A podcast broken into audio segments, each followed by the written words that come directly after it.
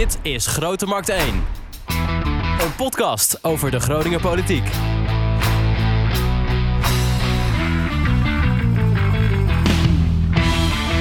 Leuk dat je luistert naar aflevering 9 van Grote Markt 1 alweer. Mijn naam is Wouter Rolsappel en tegenover mij zit Echo van Oosterhout. Dag Echo.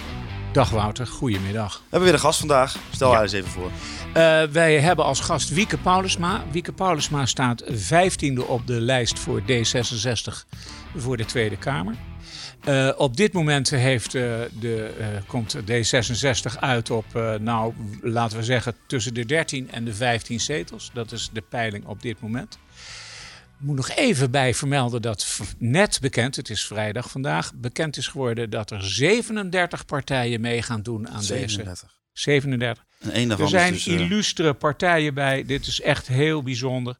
Uh, Trots op Nederland doet weer mee. Een partij Jezus Leeft doet mee. 37, wat een papier allemaal. Yes. Wieke, welkom. Goedemiddag. De tweede keer alweer bij ons. Ja, superleuk. Ja, dus het staat uh, bovenaan in de, in de lijst. Zeg maar in de ranglijst hoe vaak je bent, ja. bent aangeschoven. Ja. Um, ja, je bent, ik, uh, het is vrijdag nu. En um, volgens mij, uh, als het goed is, heb je gisteravond al een eerste online debat ja. gehad. Ja. Kun je daar iets over vertellen? Nou, ik vond dat heel spannend. Ik was ook best wel zenuwachtig van tevoren. Want debatteren, nou ja, en zeker als je campagne voert, uh, nou ja, dat, dat vind ik spannend. Maar nu helemaal online. Uh, en dat was voor mij ook voor het eerst. Was echt wel even kijken hoe het allemaal ging. Dus ik heb de hele week geoefend met hoe de laptop moest staan en hoe de iPad en of het geluid goed ging. En dat ging natuurlijk mis vlak voor de uitzending. Dus ik heb vlak voordat we live gingen nog op allerlei spelletjes, rummikup, boeken, de iPad gemonteerd, vastgezet met een verhuisdoos. En toen uh, konden we beginnen. Dit is uh, campagne in coronatijd. Dit is campagne in coronatijd, dat klopt. Ja. Wat denk je daarvan? Heeft dat, uh, dat heeft toch een hele andere dynamiek? Ja, ik vind het heel jammer. Want ik vind het super leuk om in zaaltjes te staan, naar het dorpshuis te gaan, huiskamerbijeenkomsten te organiseren. Uh, en dat is er nu allemaal niet. Ik probeer dat digitaal te doen. Uh, en dat heeft een beetje van dichtbij, maar het is toch, ja, het is heel anders. En de opkomst, zal dat gevolg hebben voor de opkomst? Hoe er nu campagne wordt gevoerd of omdat we nog steeds in corona zitten? Nee, de, al, allebei. Hè. Het is natuurlijk een combinatie. Je bereikt minder mensen in de campagne. Ik weet niet hoe het leeft. Ik weet niet of het echt gaat leven in, in, gewoon in Nederland. Ja, nou, ik denk dat politiek nog nooit zo geleefd heeft als nu.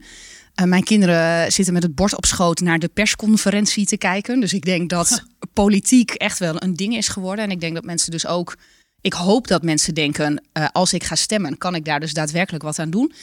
Ik denk dat het nog spannend is of we een goede opkomst uh, krijgen. En ik hoop ook dat mensen. Er zijn allerlei apps dat je kunt zien of het uh, druk is bij stemlokalen of niet. Of dat je een uh, stemlokaal opzoekt waarvan je weet dat is heel groot. eh, en daar voel ik me veilig dat mensen toch gaan stemmen.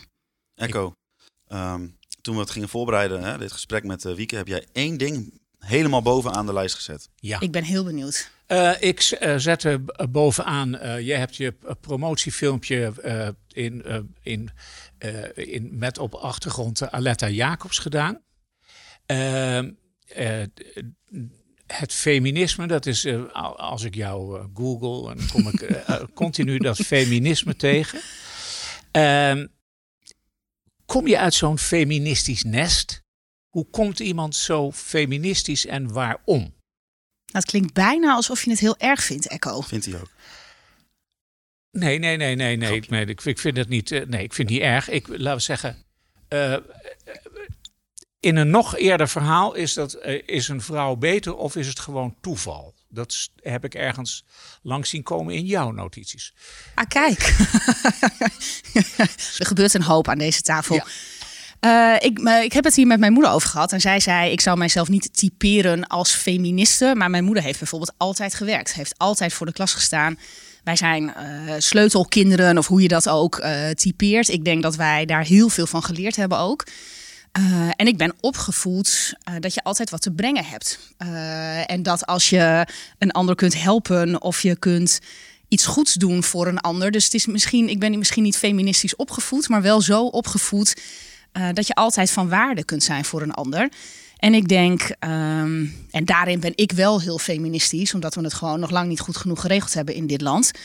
Uh, als ik kijk naar de loonkloof, als ik kijk naar hoe sollicitatieprocedures gaan, als ik al kijk naar onze gemeenteraad, naar ons kabinet. Naar ik deze heb, tafel.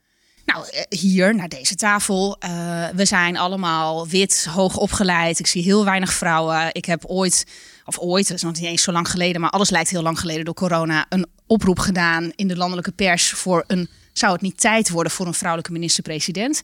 En ik zeg wel eens gekscherend, ik heb helemaal niet opgeroepen dat mensen die dat niet willen ergens heel eenzaam en alleen in een hoekje moeten gaan zitten. Ik vroeg alleen maar, zou het tijd zijn voor een minister, vrouwelijke minister-president? Nou, en toen ging echt, eh, het barstte los. Ja. Dus het is maar- nog tijd. Het is nog lang niet eh, Maar- de tijd om geen feminist meer te zijn. Nee, Om dan nee, die, maar- die koppeling te maken naar hè, dat promofilmpje. Wat, wat is de, hoe besluit je dan van, daar ga ik hem opnemen bij Aletta Jacobs? Nou, omdat ik het belangrijk vind. En zo heb ik, ook, ben ik ook als raadslid. Het is voor mij.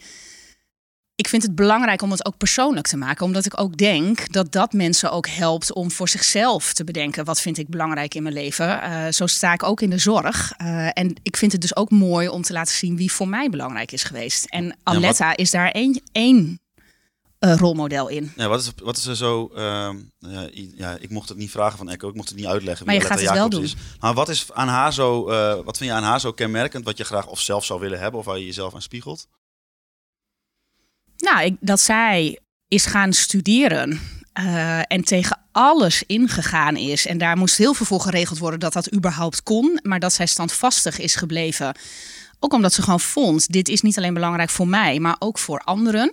En zij heeft heel veel gedaan als het gaat ehm, om aandoeningen die vrouwen kunnen hebben. Heeft zij heel erg bespreekbaar gemaakt, ook in de praktijk. En ik denk dat we daar, als je nu kijkt naar de medische wereld. Ik had gisteren dat zorgdebat. We hebben het er niet over gehad, maar het is nog steeds niet zo ver dat we in de zorg ook kijken naar of vrouwen eh, andere aandoeningen hebben of anders ergens op reageren. Terwijl eigenlijk Aletta daar koploper in was. Eh, en blijkbaar duurt het nog zo lang om dat gemeengoed te laten worden. Ehm, en ik vind die standvastigheid heel mooi. En als ze dan, je zegt, is, ging er tegenin, ben jij zelf dan ook zo? Of Ja, hoe uitzicht dat dan? nou ja, misschien moet je dat eens in mijn persoonlijke omgeving eh, eh, bevragen.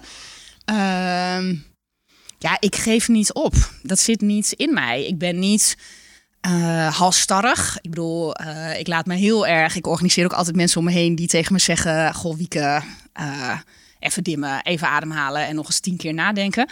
Maar als ik echt ergens in geloof, dan blijf ik lopen. Ik denk dat eh, Aletta Jacobs, die eh, was heel erg voor emancipatie. Maar dan had ze het niet alleen maar over vrouwen, volgens mij. Nee. Dan had ze het ook over, laten we zeggen, de ongelijkheden overal in de wijde wereld. Ja. Zou ze D66er geworden zijn, denk je? Zeker weten. Vertel. Hoe weet jij dat zo zeker? Omdat ik namelijk denk dat emancipatie, dus het opkomen voor de rechten van iedereen en ervoor kunnen zorgen dat iedereen ook daadwerkelijk mee kan doen. Ja, dat is D66 ten voeten uit. Eh, we leggen niet op hoe het moet zijn, maar we vinden wel dat iedereen de mogelijkheden moet hebben en ook krijgen ehm, om het beste uit zichzelf te halen.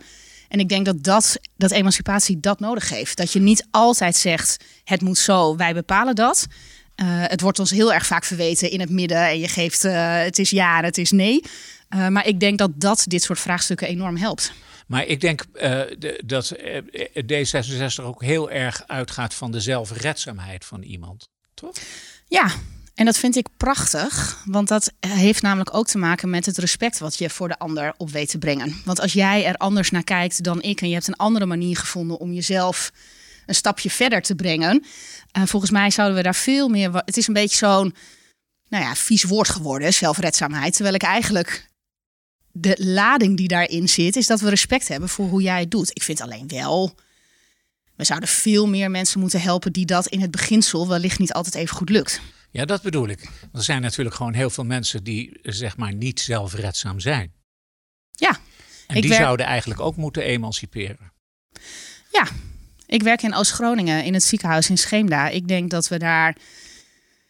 Daar zijn we wellicht niet met het woord emancipatie bezig, maar we hebben daar veel meer te doen dan dat we tot nu toe doen. Dus niet alleen mensen eh, in het ziekenhuis op het vlak van gezondheid helpen, maar ook kijken hoe we mensen uit schulden kunnen krijgen, veel meer bezig zijn met de hele context. In plaats van alleen maar hier is een folder en red u zichzelf er maar mee. Als je het dan hebt over, hè, over Aletta Jacobs en tegen dingen ingaan en voor een bepaald eh, iets opkomen. Op welke leeftijd ontstaat dan zoiets? Was dat al als... eh, Ik was altijd al zo. Ja, echt vanaf... vanaf ja, ja, neem, neem ons mee. Hoe was je als 13, 14, 15-jarige dan daarin? Nee, ik was al veel jonger. Ja?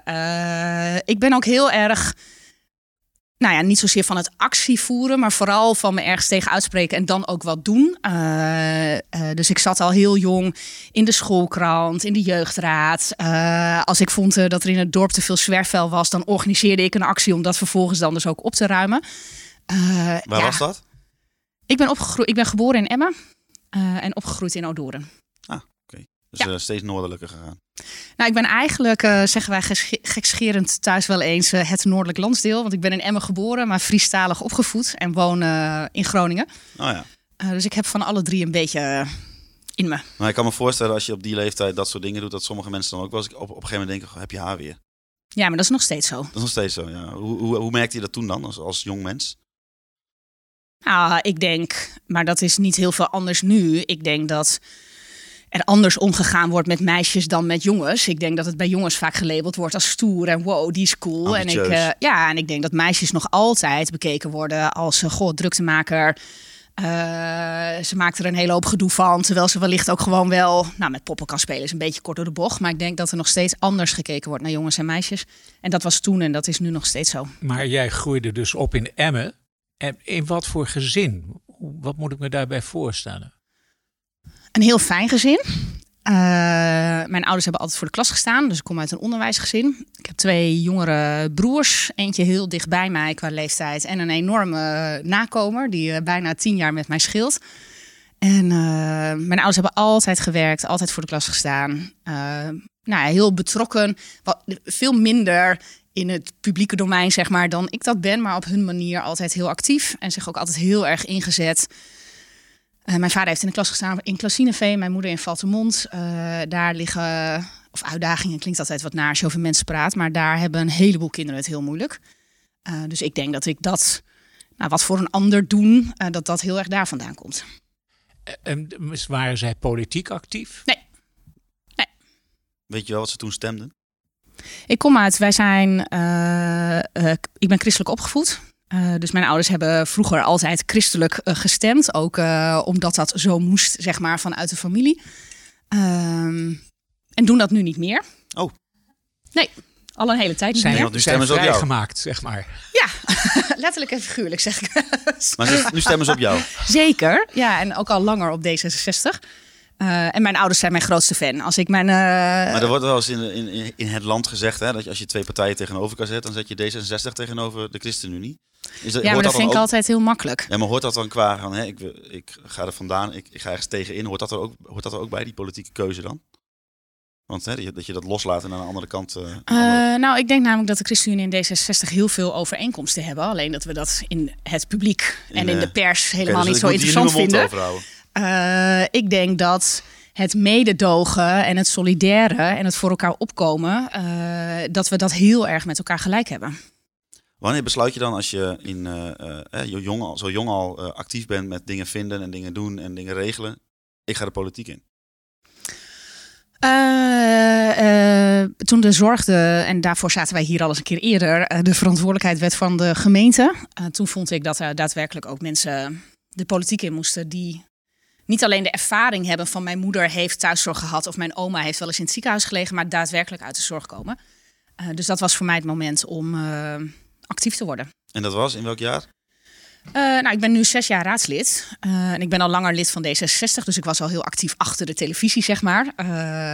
Maar ja, toen, zes jaar geleden ben ik raadslid, mocht ik worden. Je zit in de raad, zes jaar, en ineens komt daar een Tweede Kamerverkiezing en jij denkt, Nou, die zijn er nooit ineens. die zijn er nooit ineens. Nee. Maar jij denkt in ieder geval, die plek op die lijst, die is voor mij. Hoe gaat dat? Hoe, hoe gaat dat, nou in ieder geval dat denkproces dat je, daar, dat je daarheen wil? Dat is eigenlijk hetzelfde als wat ik had toen ik me kandideerde voor de gemeenteraad. Ik vind het super belangrijk dat er ervaring op een plek komt eh, waar het beter van wordt eh, voor jou en voor mij. En ik denk dat ervaring vanuit het lokale openbaar bestuur super belangrijk is in Den Haag. Eh, want we klagen wel eens over de Haagse stolp en eh, eh, dat soort dingen. Ik denk ook dat dat deels zo is. Dus het is goed als er mensen van buiten en zeker mensen vanuit het noorden de Kamer ingaan. En dit was niet zomaar een besluit. Nee, maar zeg, want je zegt het nu alsof het heel logisch is. Maar ik kan me voorstellen dat daar wel wat aan vooraf gaat. Daar gaat heel veel aan vooraf, want het betekent een heleboel. Ik heb prachtig werk. Ja, dat houdt dan op. Maar het betekent veel meer voor mijn gezin. Eh, dus dit is niet een lichtzinnig eh, besluit geweest. Mijn oudste eh, vindt dit super interessant. Die is ook altijd. Ik heb altijd rondleidingen gegeven op het stadhuis. Nou, Lex was de eerste die met zijn klas kwam, omdat hij dat super leuk vindt. Nou, die heeft zich ook al aangemeld voor Den Haag. Onze jongste, mijn dochter, ehm, Wat voor leeftijden spreken we dan over? Lex is 11 eh, en Evie is 9. Eh, en Evie voert een soort anti-campagne. Oh, Die zegt tegen iedereen: gaat u ook stemmen? Stem dan niet op mijn moeder. Eh, want die vindt het best wel ingewikkeld dat ik wegga en eh, er een deel van de week dus niet ben als het eh, doorgaat. Dat, dat, Ja, lijkt, want dat het- lijkt me ook vrij ingewikkeld. Je, je had het zelf, ik was een sleutelkind. Ja. Eh, Wat is dat eigenlijk, een sleutel? Een sleutelkind die heeft een sleutel van de voordeur en die kan zelfstandig in en uit. Ja. En heel veel kinderen. Dan was ik Kijk, ook. in Dalfsen hadden ze natuurlijk geen sleutels. Nee, stond de Dat voordeur altijd open. Ik, ik weet niet of, Of een touwtje. handig is om te vertellen, maar de sleutel lag altijd op een lamp. Ja. Dus Ja. ik kon er altijd in. Maar ik denk dat de gemiddelde inbreker of degene die wat kwaad wil, die plekken wel kent. zo Ja, dat denk ik ook wel. Er waren ook niet veel andere plekken Nee, namelijk. Maar goed, een sleutelkind dus. En dan, Ja. maar dan, ja, dan... eh, Vind je, vind je- doet dat zeer? Nee, nee, nee. Het heeft mij heel veel goeds gebracht. Ik denk eh, dat wij jong zelfstandig waren. Eh, ook heel veel uitgehaald hebben eh, waarvan het ook goed is dat mijn ouders dat niet weten. Eh, en dat weten ze natuurlijk nu wel. Eh, ze zijn trouwens veel soepeler met mijn kinderen dan dat ze dat ooit met ons geweest zijn. Maar dat is denk ik altijd zo met opa's en oma's. Ehm, nee, het heeft mij heel. Ik, ben, ik sta stevig in mijn schoenen en ik denk dat dat daar ook aan bijgedragen heeft. maar doet het zeer dat je ziet dat je dochter het ingewikkeld vindt? Ja, dat vind ik heel moeilijk. Ja, ja, ja, ja. ja. Ja, ik, ik, ik kan me dat zelf niet voorstellen, maar hoe, hoe gaat zo'n proces dan dat je dan... Dat, waar, hoe hou je daar rekening mee? Hoe, ga je dat, hoe neem je dat mee? Nou, je erbij neerleggen dat dit haar eh, verdriet doet.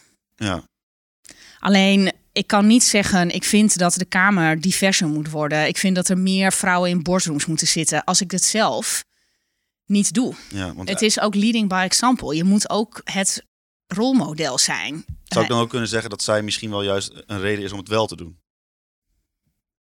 Of heb je daar... Nou, ik denk dat mijn kinderen altijd een reden zijn om iets wel of niet te doen. Eh, maar ik doe dit niet alleen voor mijn eigen kinderen.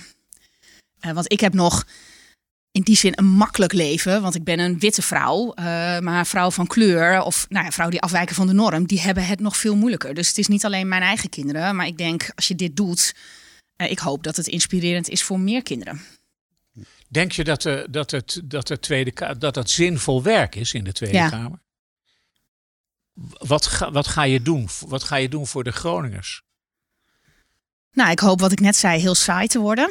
Dus vooral eh, de tijd te nemen en geduld. En wat minder eh, kan ik een quoteje halen bij OogTV of is dat me niet gelukt. Ehm, en ik denk, kijk natuurlijk, ik kom hier vandaan en ik blijf hier en mijn gezin blijft hier. Eh, maar ik zit natuurlijk in de Kamer voor alle Nederlanders. En niet alleen voor de mensen die op mij gestemd hebben of uit het noorden. Maar er is in het noorden, moeten er een aantal dingen goed gemaakt worden. Eh, als ik zie, als ik kijk naar de toeslagenaffaire, eh, als je dat afpelt, eh, lijkt dat identiek aan wat wij doen in het aardbevingsdossier. Ehm, en zo zijn er denk ik wel meer dingen die naar boven gaan komen, waarin we het systeem meer leidend hebben laten zijn dan wat het voor jou zou kunnen betekenen, de manier van de wetgeving. Ik denk dat we, nou ja, het, het goed maken, dat klinkt nooit goed genoeg, zeg maar, maar daar is voor het noorden nog wel het een en ander te doen. Maar we hebben natuurlijk eh, eh, eh, Kamerleden zitten uit Groningen die ook heel goed op de hoogte zijn met de problematiek hier. En die, krijgen, die slaan geen deuk in een pakje boter. Nee. En Nee. wat, gaat, wat gaat Wieke Paulusma doen dat zij de eerste deuk in het pakje boter krijgt? Nou, ik denk ehm, dat wat er nu allemaal naar boven komt rondom de toeslagenaffaire, dat het zo zichtbaar wordt. Ook als je kijkt, eh, eh, mijn eh, partijgenoot in de Kamer, Kees Verhoeven, houdt zich nu heel erg bezig met dat datalek bij de GGD. Ik denk dat ik niet eens degene hoef te zijn die een deuk in een pakje boter hoeft te slaan. Want er zijn ook mensen voor mij die dat doen, maar dat is misschien niet zo zichtbaar. Maar ik denk dat wat nu allemaal naar boven komt, dit, er is een deur open. Die gaat nooit meer dicht. Dus ik moet zorgen dat die deur open blijft. Uh, en dat we kritische vragen blijven stellen. En volgens mij ga ik dat niet alleen doen. Uh, daar zitten alle parlementariërs voor in de Kamer. Uh, en de mensen uit het noorden nog net een beetje meer.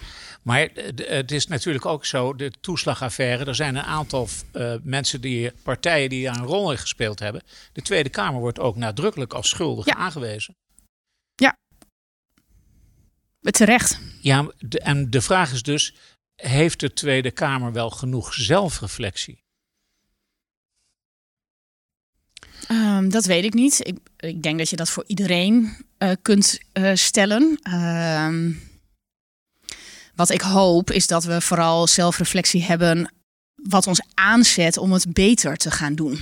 Ehm, want we kunnen heel lang blijven praten in hoe het niet goed gegaan is. Uh, dat lijkt mij evident. En het heeft niet alleen dit, die toeslagenaffaire was natuurlijk is een drama. Als je uiteindelijk afpelt wat er allemaal gebeurd is. Datzelfde geldt uiteindelijk ook voor het gaswinningsdossier. Maar volgens mij moeten we ervoor zorgen dat we aan de slag gaan. Ja, we, uh, laten we zeggen, de, de overheid stelt zich op als vijand van de burger ja, eigenlijk. dat is verschrikkelijk. En dat gebeurt in het gasdossier ook. Ik heb heel vaak gesprekken gehad met Wiebes. En iedere keer heeft Wiebes in het verleden tegen mij gezegd: nee, we moeten toe naar één loket. Er komen alleen maar loketten bij. Volgende week komt er weer een nieuw loket bij. Maar ik denk dat dit een, dit is een veelkoppig monster. Ja. Dat is niet zomaar, want we, we doen dit in alles. Hè? De overheid is op heel veel plekken de vijand. Als we kijken naar uh, vluchtelingen, uh, als we kijken naar de, ook hoe we het onderwijs hebben ingericht, als we kijken naar de woningmarkt, als alles is zo doorwrocht van dat systeemdenken en ervan uitgaande dat je de ander moet wantrouwen ja, ik heb totaal niet de illusie dat ik in mijn eentje daar wat aan bij ga dragen. Maar volgens mij zijn er wel genoeg mensen die nu opstaan. Van binnen en buiten de politiek. Want volgens mij zit daar de kracht. Dat je het niet. Precies. Denk je dan dat er niet alleen dat je niet jij als enige, maar dat er een hele nieuwe lichting uh, wel nodig is? Ja, maar ik ben ook niet in de illusie dat we het vanuit de politiek gaan fixen. Volgens mij uh, moet je dit met elkaar doen. Ik vind, dat heb ik in Groningen ook altijd gedaan. Ik heb altijd de samenwerking gezocht, ook met mensen van buiten de politiek. Omdat daarmee het eigenaarschap groter wordt, maar ook het draagvlak. En het moet ook niet afhangen van een politicus. Nee, maar ja, die, They come and go. daar wordt wel vaak naar gekeken. Ja. Ja. ik stem één keer in de vier jaar en dan mogen zij het uitzoeken. Ja, maar dus, dat is ook wel makkelijk. Ja, weet ik, maar ik, zeg, ik, stel hem, ik stel hem scherp neer. Ja, want uiteindelijk werkt het ook niet zo. Politici die allemaal dingen beloven, waardoor een, iemand op hun gaat stemmen, ja, daar word ik altijd heel erg wanend van. Dan denk ik, hoezo? We weten niet wat er volgend jaar gebeurt. En volgens mij moet je andere dingen beloven. Dat je transparant bent. Dat je altijd deelt waarom je een bepaald besluit hebt genomen. Dat je benaderbaar bent. Volgens mij zijn dat beloften die je moet maken. Ehm, en wat minder. Ik ga het nu allemaal voor je oplossen. Ik gooi de grenzen dicht. De zorg wordt gratis. Lang leven iedereen. Ja, dat geloof ik niet. Maar de, eh, de, de politici doen vaak aan de waan van de dag. Uh, dat, uh, laten we zeggen, de, de Bulgarenfraude is een heel mooi voorbeeld. Dat is een uh, relatief. Het is natuurlijk heel ernstig dat mensen zo frauderen.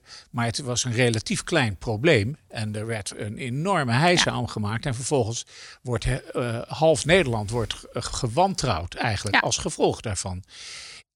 En dat gaat met de, laten we zeggen, met de, met de bevingen en de versterkingsoperatie gaat dat net zo. Er wordt een enorm controleapparaat uh, opgetuigd. Hoe hou je dat tegen? Wat, wat kun je daaraan doen? Uh, als politicus? Ja, als Tweede Kamerlid. Hoe, hoe is het nou toch, laten we zeggen, dat zijn toch allemaal ontwikkelde mensen met verstand en zo. Die hebben dat allemaal gezien en die blijven toch al de afgelopen jaren, sinds die drie kabinetten Rutte, noem maar een ja. zijstraat, uh, uh, altijd gewoon achter de waan van de dag. Dus iemand die bijstand heeft, is, dat is verwijtbaar eigenlijk.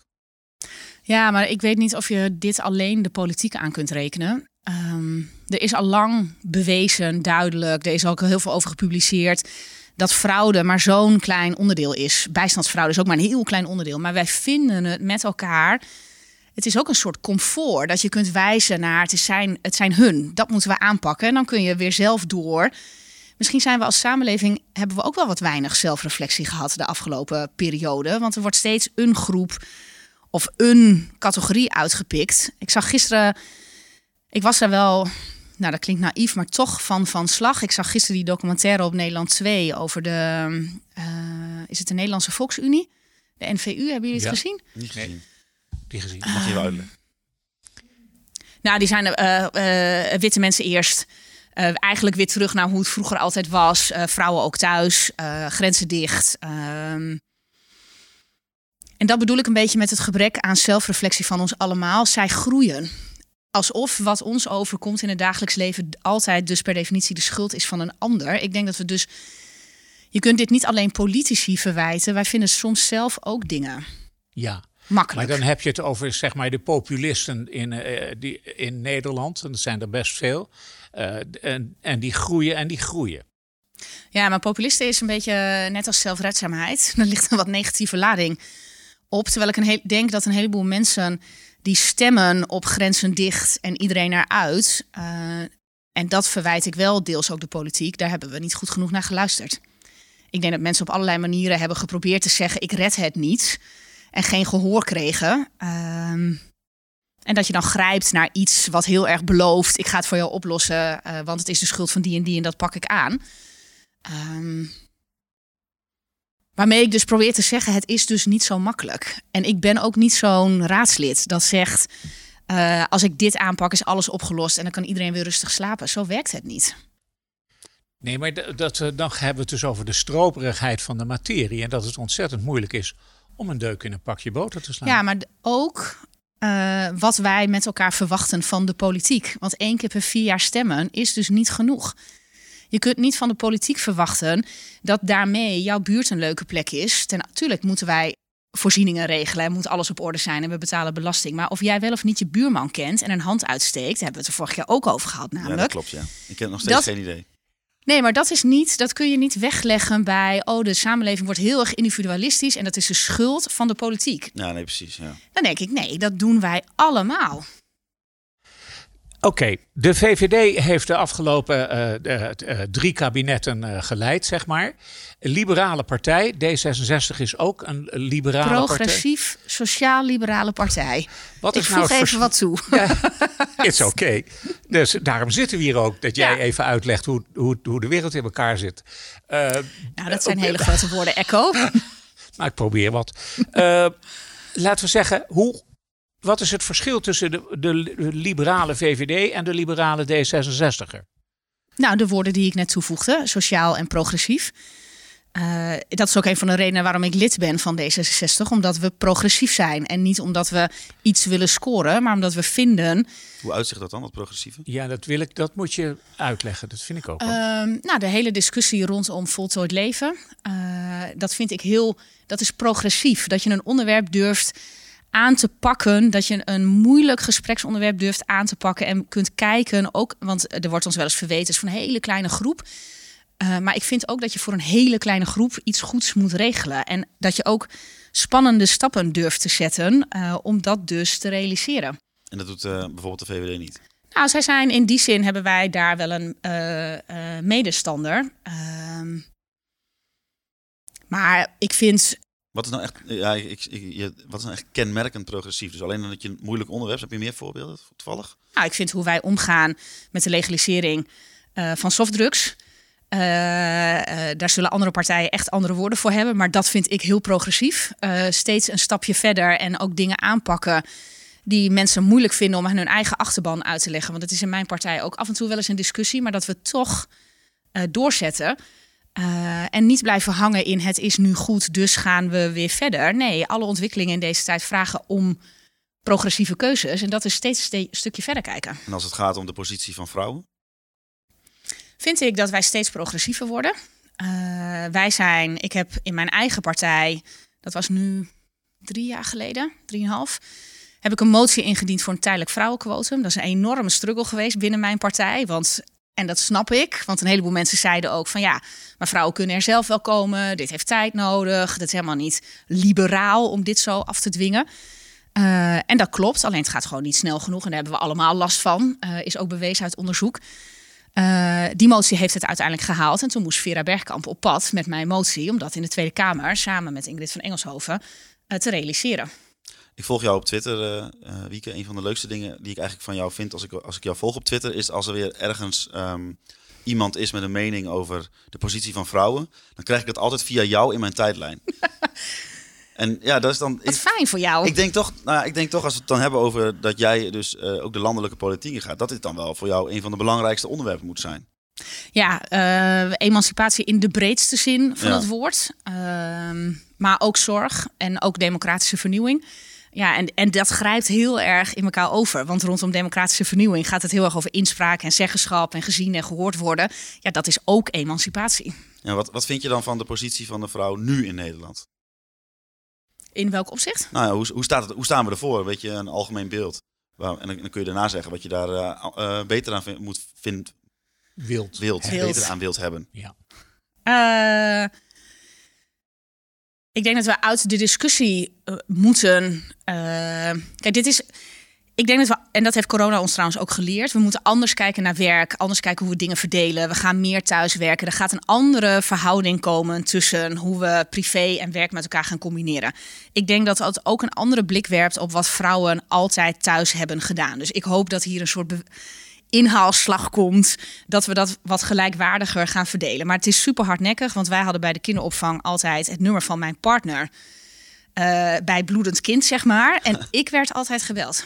Terwijl, nummer, terwijl ze je nummer niet hadden. Ja, natuurlijk hebben ze mijn nummer, Oké. want bij geen gehoor wordt dat. Maar we hadden gezegd, ik ben veel weg, ik werk meer. Dus we hadden gezegd, mijn partner is bereikbaar. Werd nooit gebeld. Want men heeft toch een beetje, oh kind bloed huilt, roept om mama, dus bellen we. Dus het zit heel erg nog in onze cultuur dat we naar moeders en vrouwen kijken als de zorgzame kant van de samenleving.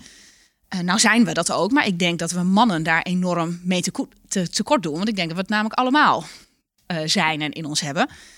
Ehm, ik vind alleen dat we er nog lang niet zijn als het gaat om daar waar de besluitvorming plaatsvindt, daar waar, het, waar besluiten worden genomen die invloed hebben op iedereen. Dat zijn eigenlijk witte mannen.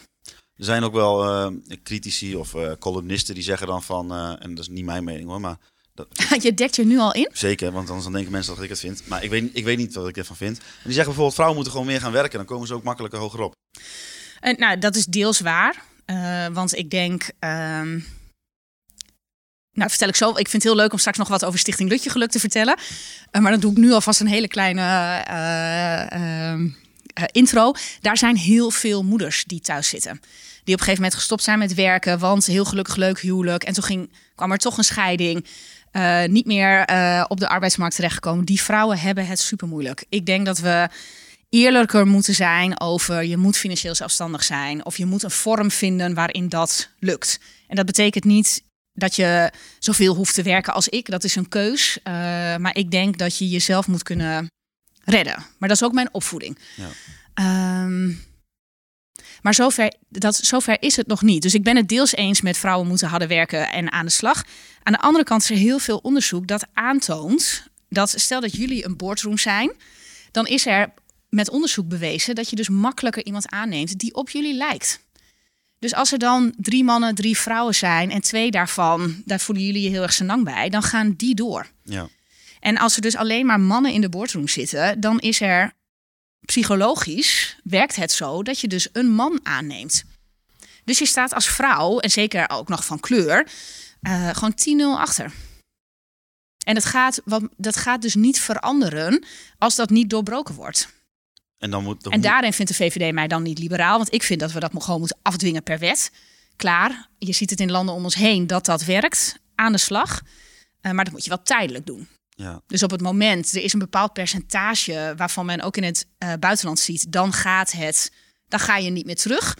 Nou, tot dat punt eh, moeten we dit als overheid veel strakker aanpakken. Bijvoorbeeld in Zweden hebben ze een, eh, een, een regeling, geloof ik, dat je als je een kind krijgt als man en vrouw, dan heb je eh, een gedeeld aantal verlofdagen. Ja. Dus als de vrouw zegt na zes weken, ik eh, vind het Ja. wel weer best, ik ga, jij blijft maar thuis, dan kan het ook. Denk je dat dat iets van Nederland ook iets zou zijn? Nou ja, het is dankzij ons dat vaders of de andere partner, hè, want het hoeft niet per Ja, se moeder-vader te zijn, zijn. langer thuis kan blijven. Ik denk dat dat heel goed is, maar dat mag nog wel een aantal stappen verder. Maar dat is hetzelfde als dat wij ook zeggen, we moeten van het hele toeslagenstelsel af, we moeten anders naar pensioen kijken, we moeten veel meer kijken wat je in je leven nodig hebt. En misschien had ik wel veel meer behoefte aan wat meer vrije tijd, een beetje pensioen opnemen toen de kinderen heel klein waren, in plaats van dat ik daar straks enorm van loop te genieten. Uh, terwijl ik dan misschien wel denk, goh, mijn leven is een stuk minder hectisch. Uh, ik had het wel met minder kunnen doen. En als het dan gaat over uh, emancipatie en dan in dit geval vrouwen, maar welke dan ook, wat is dan de grootste obstakel wat je daarin tegenkomt? Ik persoonlijk? Ja, gewoon in, in, in ja, als je bijvoorbeeld met mensen daarover hebt of je bent je mening daarover aan het verkondigen. Wat zijn er, wat het roept onwijs veel weerstand op. Ja, hoe komt dat? Omdat ik denk dat uh, een plek claimen of een plek claimen voor anderen roept heel erg op bij de ander dat hij zijn plek moet inleveren. En dat is soms ook zo.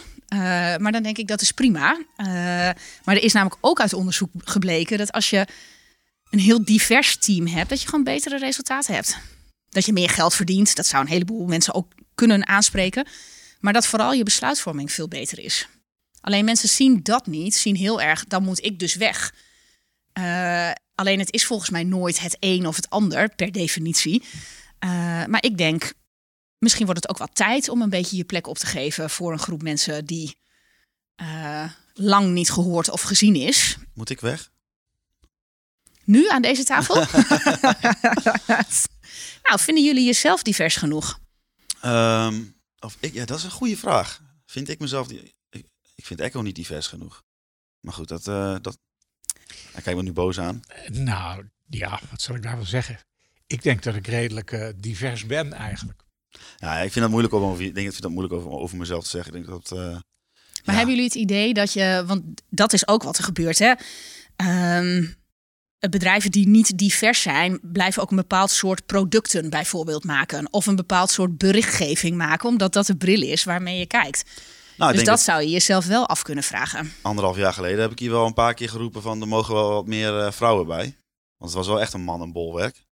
Nou, de laatste jaren zijn hier toch wel, is het aantal vrouwen hier op de redactie bij Oog is wel behoorlijk ja, toegenomen. Maar dat is een, de, bij Oog is dat natuurlijk gewoon een heel wisselend gezelschap. Ja, dat, dat, klopt, ja. dat is continu zo. Je weet ook niet of en, wat media... en, hier, ja. en hier lopen jong en oud door elkaar heen. En uh, natuurlijk lopen wij uh, als media ook tegen problemen aan. Maar dat zijn andersoortige problemen. Dat, uh, je, de, je, ziet gewoon de media verschralen, bijvoorbeeld. Ja. En, dat, en dat, is een, dat is een probleem wat door de hele wereld uh, geldt. Dat, niet alleen in Groningen, maar overal. Nou, ik, uh, laten we zeggen, ik denk dat wij een diverse organisatie zijn. En dat een van de redenen waarom ik hier nog steeds als oudere meneer zeg maar rondloop, is dat ik toch heel veel jonge mensen tegenkom. En die doen dingen waarvan ik geen ruk begrijp soms. En dan, en dan denk ik, dat, nee, dat is toch ook wel leuk, weet je wel? Ja, nee, jij, jij kan het hartstikke goed hebben. Dat, en dat houdt, dat, laten we zeggen. we hadden hier vroeger een, een uh, ja. rector magnificus. Uh, ik ben, ben, zo oud dat ik zijn naam een beetje kwijt ben. Maar die zei altijd, al die studentjes, die houden mij jong, zei hij. En dat is ook zo. Dat is ja. hier ook zo.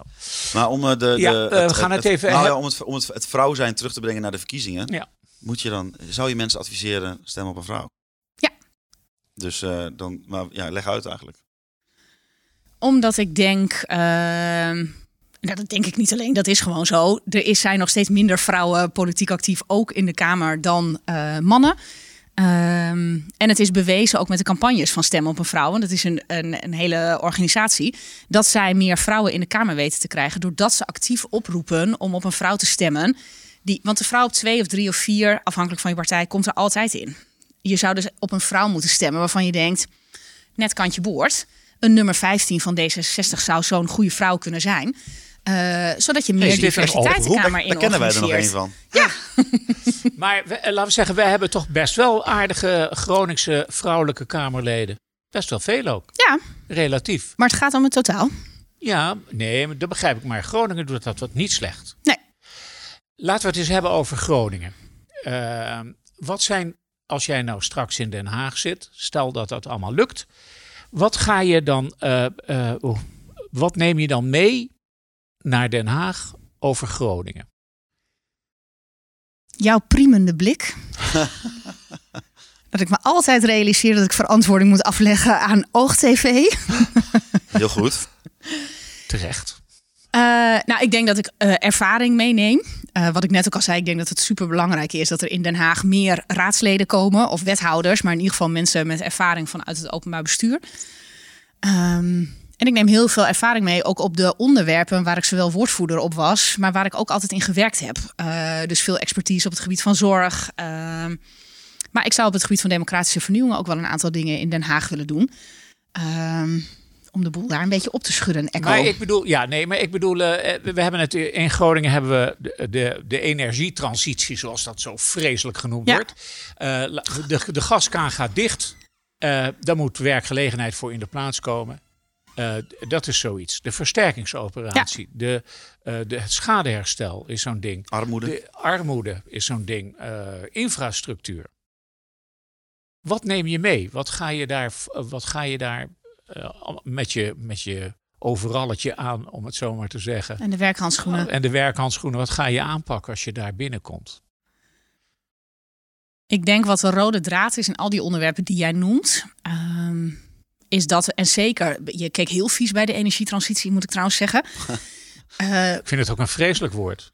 Ja, maar wel heel urgent. Uh, ik denk dat we daar veel meer uh, tijd en aandacht zouden moeten besteden aan het feit dat bewoners uh, inspraak hebben. Dat bewoners mee kunnen doen. Dat bewoners. Uh, ik zit volgende week woensdag bij het burgerberaad over de hele klimaatopgave. We zouden veel meer moeten organiseren dat bewoners aan tafel zitten. En niet voor de bühne en niet in de ring erbuiten.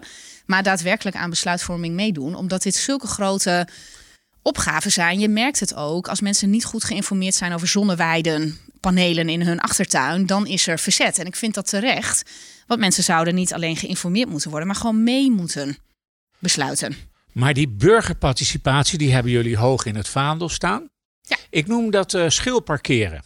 Hoe noem je dat? Schilparkeren. Dat is, een, uh, dat is een woord wat. Het is een echo-woord. Nee, Ja. nee, Dat heb ik nog nooit gehoord hoor. nee, laten we zeggen. Je hebt uh, uh, dat de- parkeren in de binnenstad. En Ja. dan heb je schilwijken en dan gaat. Oh, schil. Ik verstond schil. nee. Ja. Schil parkeren. Dat je de auto niet helemaal het vak in Ja, krijgt. precies. Ja, ik dacht, hij nee, doet weer een hele onfeministische Nou, uitspraak. Op een gegeven moment. uh, ha- Hij heeft zelf geen rijbewijs, dus ik denk dat hij het zelf sowieso Nee, niet, eh, het, niet kan. het, het, het, het is dus zo dat als, er een, als een wijk betaald parkeren komt in een wijk, Ja. zou dat oorspronkelijk alleen maar gebeuren als de bewoners daarom vroegen. Ik zelf woon in de Oranjewijk.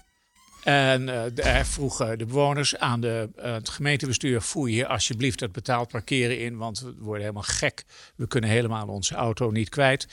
En verdomd, dat hielp ook en we kregen betaald parkeren. Maar nu is er bijvoorbeeld in Vinkhuizen, daar is helemaal geen parkeerprobleem. En nu gaat toch de stad Ja. tegen, het, tegen zijn eigen beleid in eigenlijk betaald parkeren invoeren. Wat vind je daar dan van? Dat vind is- ik heel ingewikkeld. Ben je erop tegen eigenlijk? Als ik je zo aankijk, denk je dat had niet gemoeten. Nou, ik vind dat je moet doen wat je afgesproken hebt. Dus als je vindt dat bewoners mee mogen praten, moet je dat ook doen. Eh, ik heb er vooral hele grote moeite mee. Eh, ik heb met twee hele goede vriendinnen Stichting Lutje Geluk, waarin we gezinnen helpen die het moeilijk hebben. Eh, dit gaat voor hun een probleem zijn. Ja.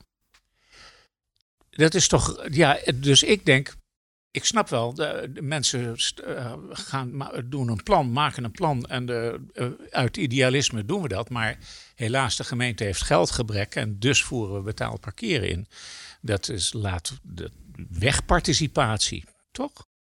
Ja, ik blijf zeggen dat ik het heel ingewikkeld vind, Echo.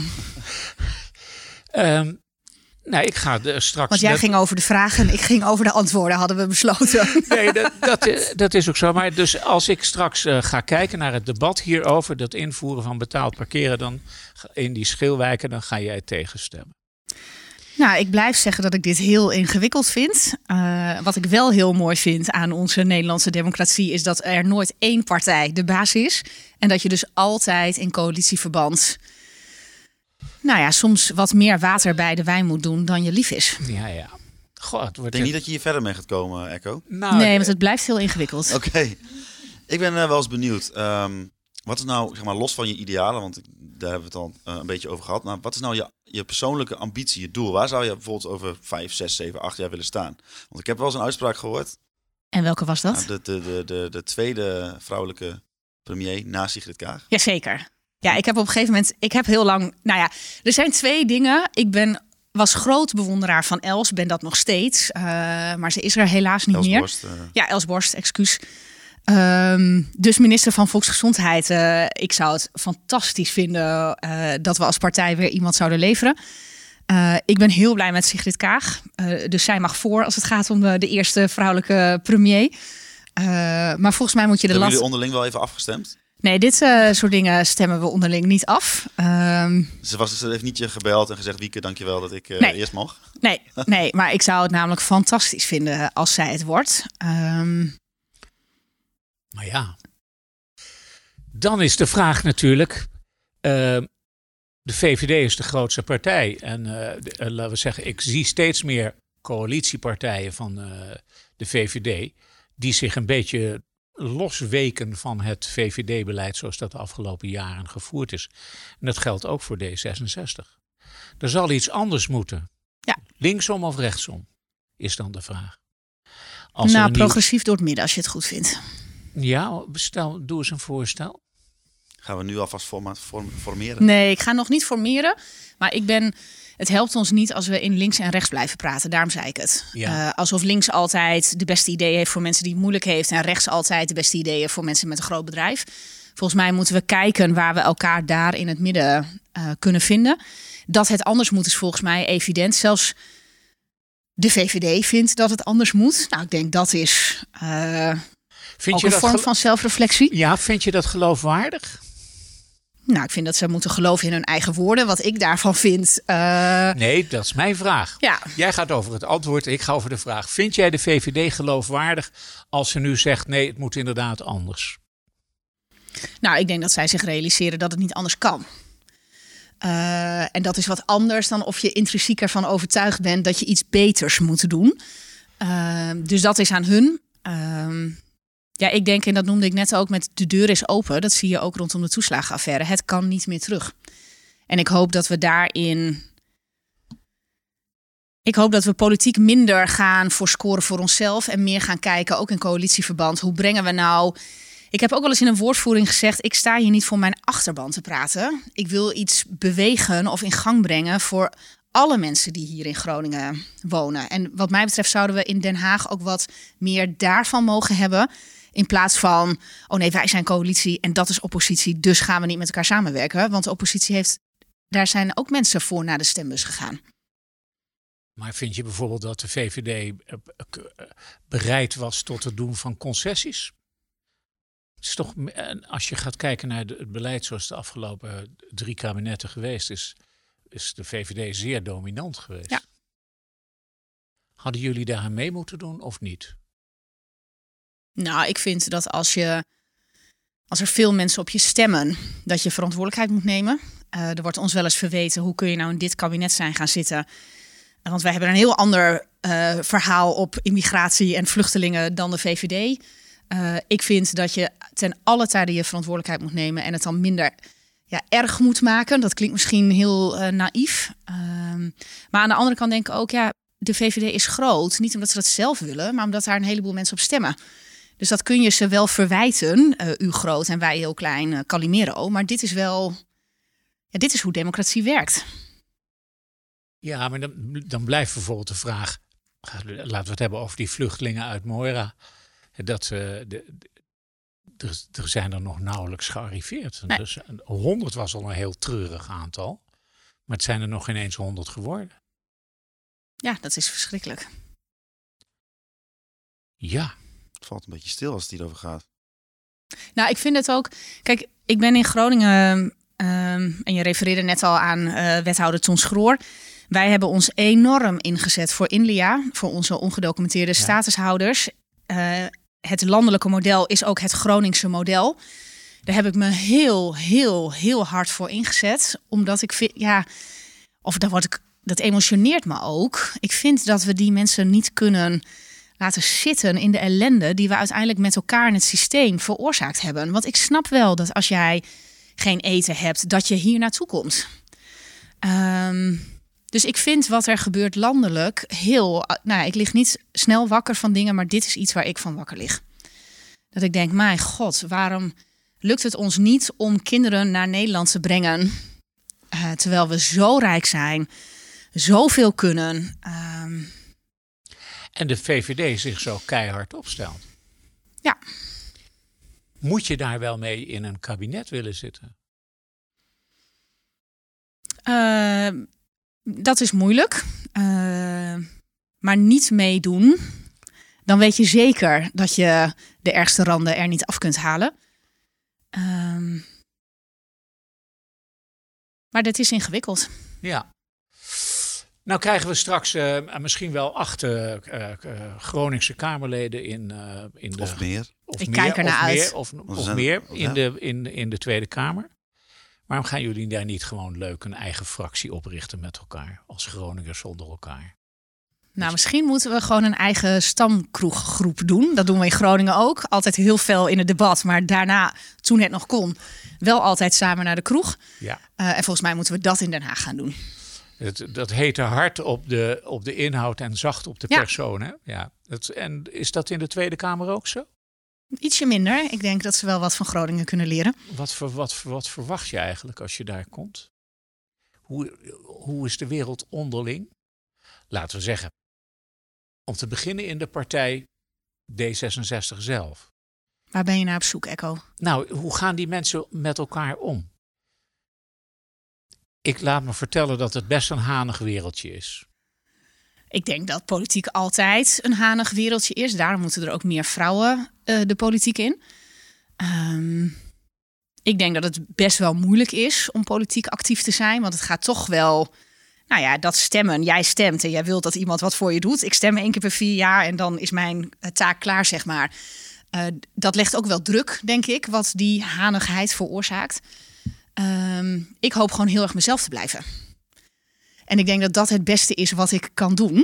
Um, en daarmee een heel klein stukje in beweging kan brengen. Maar ik vind, ja, uh, wij zitten in een hele leuke kandidaten-app. Uh, wij hebben heel veel online bijeenkomsten met elkaar. Ja, ik kijk er heel erg naar uit om te gaan samenwerken in Den Haag in mijn eigen club. Zit iedereen daarin? Dus ook uh, Sigrid Kaag zit daarin? Ja. Gewoon met de minister een beetje appen over... Zeker. Hoe, ja. ga, hoe gaat dat dan? Nou, heel gezellig. ja, maar dat is, dat is een beetje teambuilding 3.0 digitaal. We kunnen elkaar niet zien. Uh, ja, ik vind dat waar heel gaat fijn. Het, waar gaat het dan over? Over van alles. Noem eens een voorbeeld. Nou, gewoon over van alles. We spreken elkaar een beetje goede moed in. We bieden elkaar hulp aan. Uh, uh, ik heb gisteren dat zorgdebat. Ja, dan spar ik ook even met een aantal mensen. Uh, maar we hebben ook uh, uh, trainingen. We hebben een hele mooie training gehad over hoe je jezelf kunt blijven. Nou, dat is wat we als club, als team samen met elkaar opbouwen. Okay. Je hebt ook al een aantal keer laten vallen het woord Stichting Lutje Geluk. Ja. Is dat ook een. Ja, daar komt natuurlijk ook een deel van jouw motivatie komt ja. daarin uit. Hoe, hoe, hoe zie je dat? Uh, nou, Lutje Geluk heeft mij. Uh, Want wat doen jullie precies? Dat is misschien goed om Oh ja, dat is misschien wel een goeie. Ja, uh, ik ben met Minke Haverman en Ivanka Vletter Lutje Geluk begonnen drie jaar geleden. En wat we doen is uitjes financieren, regelen voor gezinnen die aangeven dat ze het moeilijk hebben. En dat hoef je bij ons niet aan te tonen. We hoeven geen bewijs te zien. en dat is al. Nou, dat heb ik me nooit gerealiseerd. Maar dat is al voor mensen ja, mensen moeten zich zo vaak uh, verantwoorden. Verantwoorden, ja. Moeten Dat zo vaak zeggen. Ik heb dat een is recht. al vreugde, zeg maar. Ja, maar ik voel dat ik. Dat je niet ik wil dat getoetst niet zo wordt, zeggen. gecont- gecontroleerd wordt. Ja, Niet door een wantrouwend Ja. persoon benaderd Ja. wordt van... Jongens, ik wil een leuk uitje. Waarom? Ja. Heb je daar wel recht op? Zoiets. ja, en ik wil niet. Ik bedoel, die vreugde. eh, ik wil een beetje uit de hoek blijven van het ontwikkelingswerk. Eh, we doen dit. ehm, nou, soms ook nog wel voor mezelf. Want ik leer er heel veel van, van dit eh, vrijwilligerswerk. Eh, en wat we doen is de uitjes regelen van begin tot aan het eind. Dus we regelen eh, de treinkaartjes of de brandstof voor de auto. Ik ben ook wel eens mee gaan tanken, omdat mensen al heel lang niet meer... dan hadden ze een auto geleend en ze hadden geen idee hoe dat dan moest. En ook heel erg bang dat ze te veel zouden tanken. Dus altijd bang iets verkeerd te doen. En we regelen die uitjes omdat ik... Nou ja, we hebben alle drie kinderen. Uh, en wat wij ons realiseerden is dat onze kinderen elke maandag iets leuks vertellen. Ja. Uh, en niet dat ik nou elk weekend naar een pretpark ga, zo, dat is het ook niet. Uh, maar er zijn een heleboel kinderen die nooit iets vertellen. Of zijn opgehouden te vertellen dat ze alweer naar Balorig waren geweest, omdat de gemeente dat financieren. Dat is natuurlijk totaal niet cool. De rest ging naar Jump XL en jij ging naar Balorg. Dus het, je hoeft je bij ons niet te verantwoorden en je mag bij ons ook zelf kiezen. En we zeggen ook niet, oh nee, dat is ver weg. Of, nee, we regelen alles. En als je straks uh, op die, uh, die zetel zit in Den Haag, is dat dan ook een, een, iets wat je dan daar geleerd hebt om op een andere manier naar mensen te kijken? Ja, maar dat is, ik ben mijn carrière begonnen als wijkverpleegkundige. Daar is dat al begonnen. Als jij over de drempel stapt van iemand die je niet kent. Ja, nederig is niet het goede woord, maar dan sta je wel in het huis van iemand anders en in het verhaal van iemand anders. En wil je echt wat kunnen doen, um, dan moet dat ook aansluiten bij degene bij wie je bent. En dat is ook bij Lutje geluk. Het moet aansluiten bij wat mensen nodig hebben op dat moment. Even naar uh, de toekomst. Stel, um, het lukt niet. Je wordt niet uh, gekozen, want uh, de D66 haalt maar acht of negen. Ben je dan blij voor je dochter? nee. Nee, want ik denk dat mijn dochter later in zo'n programma gaat zeggen. Toen mijn moeder naar de kamer ging, dat heeft mij heel veel geleerd. Oké, dus uh, ook voor je dochter hoop je gewoon dat je erin komt. Ja. Nou, ja, goed. En daar ga ik ook vanuit. Tot slot uh, nog uh, één vraag, Wieke. wat is nou jouw meest unieke uh, kenmerk, jouw unique selling point. Eigenlijk wil ik geen Engels gebruiken. Maar goed, nee. waarom mensen nou... Nee, want dan wordt Wim boos. Precies. Gelukkig is Wim er niet. Wim Cox van de SP, die haat Engels. Verengelsing van de taal. Hij heeft een punt. Trouwens. Waarom moeten mensen op jou stemmen? Ja, dat is dan wel de moeilijkste vraag van dit hele gesprek. Want ik vind het namelijk ook het moeilijkst om voor mezelf campagne te voeren. Ik heb altijd voor een heleboel andere mensen campagne gevoerd. Maar wat ik heel vaak terugkrijg... Um, is dat als mensen lezen wat ik doe en waarom ik naar de Kamer wil, dat dat ook is wie ik ben. Ik doe niet iets anders voor in de politiek of in waarom ik naar de. Dit is wie ik ben. Uh, en ik geloof dat dat van meerwaarde is in de politiek. Nou, dan uh, uh, denk ik dat we er een eind aan gaan breien. dit was aflevering 9 alweer van Grote Markt 1. Echo, ik kijk jou even aan, want ik zit te bedenken wie onze volgende gast is. De, vol, de vol, ja, de, Volgens mij is dat iemand die al een uh, tijdje in de Kamer zit. En die op een zeer hoge plaats staat bij de Partij van de Arbeid. Ja, dat is ook zo. Henk Nijboer. Zat ik gisteren mee in debat? Daar zat je gisteren mee in debat, ja. ja. Dus uh, Henk Nijboer komt en uh, daar, ook dat, daar verheugen we ons op. ook een Groninger, ook een stadje. Die zich straks gaat bezighouden met Groningen in de Tweede Kamer, onder andere. Nou, dan uh, zijn we aan het eind gekomen van uh, deze aflevering uh, van de Grote Markt 1. Wieke, dankjewel dat je hierheen wilde komen. En succes de komende weken met campagne voeren over ja. jezelf dus. Hè, over ja. jezelf.